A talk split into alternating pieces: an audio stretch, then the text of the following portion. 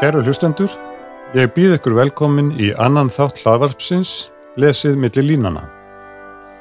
Að nýliðnum páskum hyggst ég beina sjónum að síðustu kvöldmáltíðinni og spurningunni um það hvort hún hafi verið páskamáltíð eða ekki og þá jafnframt mögulegum ástæðum þess að henni er líst sem slíkri í samstofna guðspillunum, Markusi, Matteusi og Lukasi. Síðasta kvöldmáltíðin er líklega meðal þekktustu mótífa listasögunar Þökk sé vegmynd Leonardo da Vinci í klaustri hinnar náðugum eigjar í Mílanó. Hún byggir á frásögn Jóhannesar í 13. kabla sem lýsir uppnáminu sem verður í lærisveinahopnum þegar Jésús segir að einn þeirra muni svíka hann. Sannlega, sannlega segi ég yður, einn af yður mun svíka mig. Síðan segir, lærisveinarnir litu hver á annan og skildu ekki við hvern hann ætti. Sá lærisvetni Jésu sem hann elskaði, satt næstur honum. Símón Pétur benti honum og bað hann spyrja hver sá væri sem Jésús talaði um. Það er nákvæmlega þetta augnablík sem mynd Leonardos lýsir. Þegar Símón Pétur byður lærisveinin sem Jésús elskaði að spyrja hann um hvern hann væri að tala. Freskan er afar ítla farin vegna aðferðarinnar sem listamæðurinn valdi að nota. Reyndar er til heimild rituð um það byl 70 árum eftir að Leonardo lög verkinu sem lýsir mjög bágu ástandi þess. Þrátt fyrir það má sjá hvernig myndin bregður upp ólíkum tilfinningum lærisveinana og viðbröðum þeirra við orðum Jésu. Jafn framt má ljóslega sjá að máltíðin sem stendur yfir er ekki páskamáltíð. Því að óhjákvæmilegan hluta slíkrar máltíðar, páskalambið, er hvergi að sjá. Í þessari staðarind fælst reygin munurinn á framsetningu Jóhannessar á síðustu kvöldmáltíðinni saman borið við framsetningu samstofnaguðspjallana, Markusar, Matteusar og Lukasar sem taka af öll tvímæli um að síðasta kvöldmáltíðin hafi verið páskamáltíð. Í útgafu Jóhannessar á krossfestingin sér stað á aðfangadegi páska, 14. degi nýsanmánuðar. Á sama tíma og páskalömbunum var slátrað í musterinu. Þetta þýðir að páskamáltíðin hafði ekki enn átt sér stað en það tekur höfundurinn það skýrt fram. Í samstofna Guðspjöllunum, hins vegar, er Jésús krossfestur á fyrsta degi páskaháttíðarinnar, 15. degi nýsanmánadar. Ástæðan fyrir því að páskamáltíðin er snætt kvöldið áður er svo að samkvæmt því tímatali sem gýðingar notuðust við á þessum tíma hófst dagurinn við sólarlag. Þessa sér enn stað í helgedagatali gýðinga og reyndar Kristinar kirkju einnig. Samanber það að jólinn ganga í gard klukkan 6 á aðfangadagskvöld. Af þessum orsökum var páskadagur 15. nýsan komin um kvöldið en lömbunum var slátrað á 14. nýsan fyrr þann sama dag að okkar skilningi. Máltíðin sem mynd Leonardos lýsir átti sér því stað 13. dag nýsanmánaðar, samkvæmt Jóhannesi, en það var einmitt á meðan á henni stóð sem sá atbyrður átti sér stað sem skýrdagur drefur napsitt af, það er fótaþvotturinn, þegar Jésús þvó fætur lærisönuna. Í frásögn Markusar, Mattiusar og Lukasar á sér engin fótaþvottur stað, en aftur á móti fyrirmynd heilarar kvöldmáltíðar. Í Markusi segir Á fyrsta degi ósýrðu bröðana, þegar menn slátruðu páskalampinu, sögðu læri sveinar hans við Jésu. Hvert vilt þú að við förum og búum þér páskamáltíðina? Síðan segir frá því hvernig læri sveinarnir finna húsnæði samkvæmt fyrirmælum Jésu og undirbúa páskamáltíð. Eftir máltíðina, eftir að Jésús hefur sagt fyrir um svik Júdasar, og stopnað sakramenti heilarar kvöldmáltíðar með útskýringu sinni á merkingu bröðsins og vínsins, fer Jésús síðan ásamt lærisveinunum yfir til Óljufjálsins en ekki fyrr en eftir að hafa lokið páskamáltíðinni á tilhlýðilegan hátt, með því að syngja lofsengin sem vísar líklega til setni hluta hinn að svokalluði Hallelsálma, Davíðsálma 115-118. Tvö síðastnöndu atriðin stýðja þá staðhæfingu Markusar að síðasta kvöldmáltíðin hafi verið páskamáltíð. Óljufjallið er innan þeirra marka sem ákvarðuðu hvort fólk teldist vera í Jérúsalim eða ekki, en svo krafa virðist hafa verið gerð að fólk dveldist innan marka Jérúsalim á páskanóttina. Þar að auki lög kvöldmáltíðinni með lofsöng eins og misna hveður áum, en misna er ritað form hinnar munlegu gemdar á giðinglugum lögum og hefðum.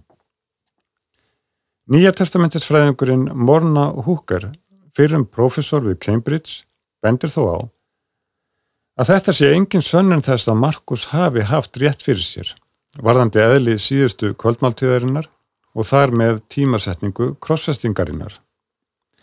Hún er í raun að segja að sviðsetning samstofna Guðspjallana geti allt eins verið bókmentaleg og guðfræðileg afurð, rétt eins og sannferðug lýsing á sögulegum kringumstæðum. Í stuttumáli er það niðurstáða hennar að líklegra sé að Jóhannes hafi rétt fyrir sér um tímasetninguna. Það sé tilneying til þess að líta á samstofna Guðspjöllin sem áreðanlegri heimildir, sögulega séð, þar eð Jóhannes sé vanalega álitin vera Guðfræðingurinn meðal Guðspjallamannana og Guðspjall hans litað af Guðfræðilegum sjónarmiðum fremur en samstofna Guðspjöllin. Tímasetning Jóhannesar ræðist á því að hann tímasettur krossvestinguna á nákvæmlega þeim tíma er páskalömpunum var slátrað í musterinu. Þessi tímasetning gæti vissulega verið afurð guðfræðilegar tólkunar á dauða Jésu í ljósi páskalamsins. Páskalambið og táknræn vísun þess til frelsunar Ísraelsmanna úr ánöðinni í Egiptalandi og lífgjafarinnar þegar drottin fór fram hjá húsum þeirra og þyrmdi frumbörðum þeirra, verður þannig tólkuna líkill fyrir dauða Jésu. Jóhannes er þó ekki fyrstur til að setja fram slíka tólkun. Hanna er þegar að finna hjá Páli í fyrra korindubrifi 5.7 þar sem hann segir Reynsið burt gamla súrdegið til þess að þið séu nýtt deg enda eru þið ósýrð brauð því að páskalambi okkar er slátrað, sem er Kristur. Páll rítaði fyrra korindubref líklegast árið 54, að minnstakosti 16 árum áður en Markusar Guðspjall er rítað og 40 til 50 árum áður en Jóhannesar Guðspjall var rítað, ef miðað er við ríkjandi viðhorf í fræðaheiminum varðandi rítunatíma Guðspjallsins. Ekki er hægt að útiloka að tenging Páls og Jóhannesar á milli Jésu og Páskalamsins eigi sér einfallega rætur í þeirri sögulegu staðrind að Jésús hafi verið krossvestur á aðfangadag Páska, um það leiti sem Páskalömbunum var slátrað. Það má aukþess halda því fram með góðum rökum að ákvæði annarar Mósebókar 12.16 um að halda fyrsta og sjöunda daginn sem kvíldardag sem og almenn helgi hinnar vikulöngu hátíðar gerir það afar ólíklegt að prestarnir og ráðumenn gýðinga svo ekki sér talað um hinn almenna pílagrím sem komin var til Jérúsalem til að fagna páskaháttíðinni hefur tekið þátt í slíkum gjörningi sem handaka Jésu, réttarhöldin og dómurinn yfir honum og loks krossvestingin var. Tímasetting Jóhannesar verður því að tellast líklegri sögulega séð. Morna Húker telur að það geti allt eins verið Markus og samstofna hefðin sem endur spekli ákveðna þróun sem átt hafi sér stað í hinnum kristna söpnuði eftir því sem lengra leið frá dauða Jésu. Fyrst Jésús hafi verið krossvestur um páskaleitið sé ekki óeðlilegt að með tímanum hafi verið farið að gera ráð fyrir því að síðasta máltið hans með lærisögnunum hafi verið páskamáltið. Það er síðan annan mál hvort að skipti í raun máli Hvort samstofna Guðspjöllin eða Jóhannesar Guðspjall hafi á réttu að standa varðandi tímasetningu síðustu kvöldmáltíðarinnar og krossvestingarinnar. Því að Guðspjallamannunum er ekki í hugað að stunda sagnfræði, heldur að setja fram trúarlega eða guðfræðilega tólkun sína á því hvað döiði Jésu merkir fyrir mannin og tengsl hans við Guð. Í framsetningu samstofna Guðspjallana annarsvegar og Jóhannasar Guðspjáls hins vegar gildir að varpa ljósi á hjálpræðiskildi dauða Jésu og báðar hefðirnar nota hinn að gýðinglugu páskafórn sem merkingargjafa um leið og þær endur tólka hanna en þau fara samt ólíkar leiðir að markinu. Sviðsetning kvöldmáltíðarinnar sem páskamáltíðar gæti einnig átt sér rætur í félagssögulegum aðstæðum kristnusapnaðana sem Guðspjallamennirnir tilherðu.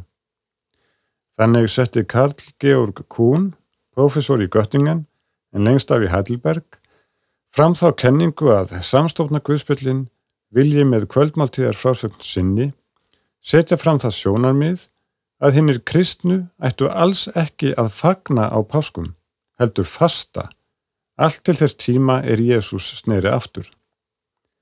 Þetta byggir kún á orðum Jésú er hann segir Hérðan í frá mun ég eigi drekka af ávexti vínveðarins, til þess dags er ég drekk hann nýjan í Guðs ríki, eins og það er orðað í Markusarguðspjalli.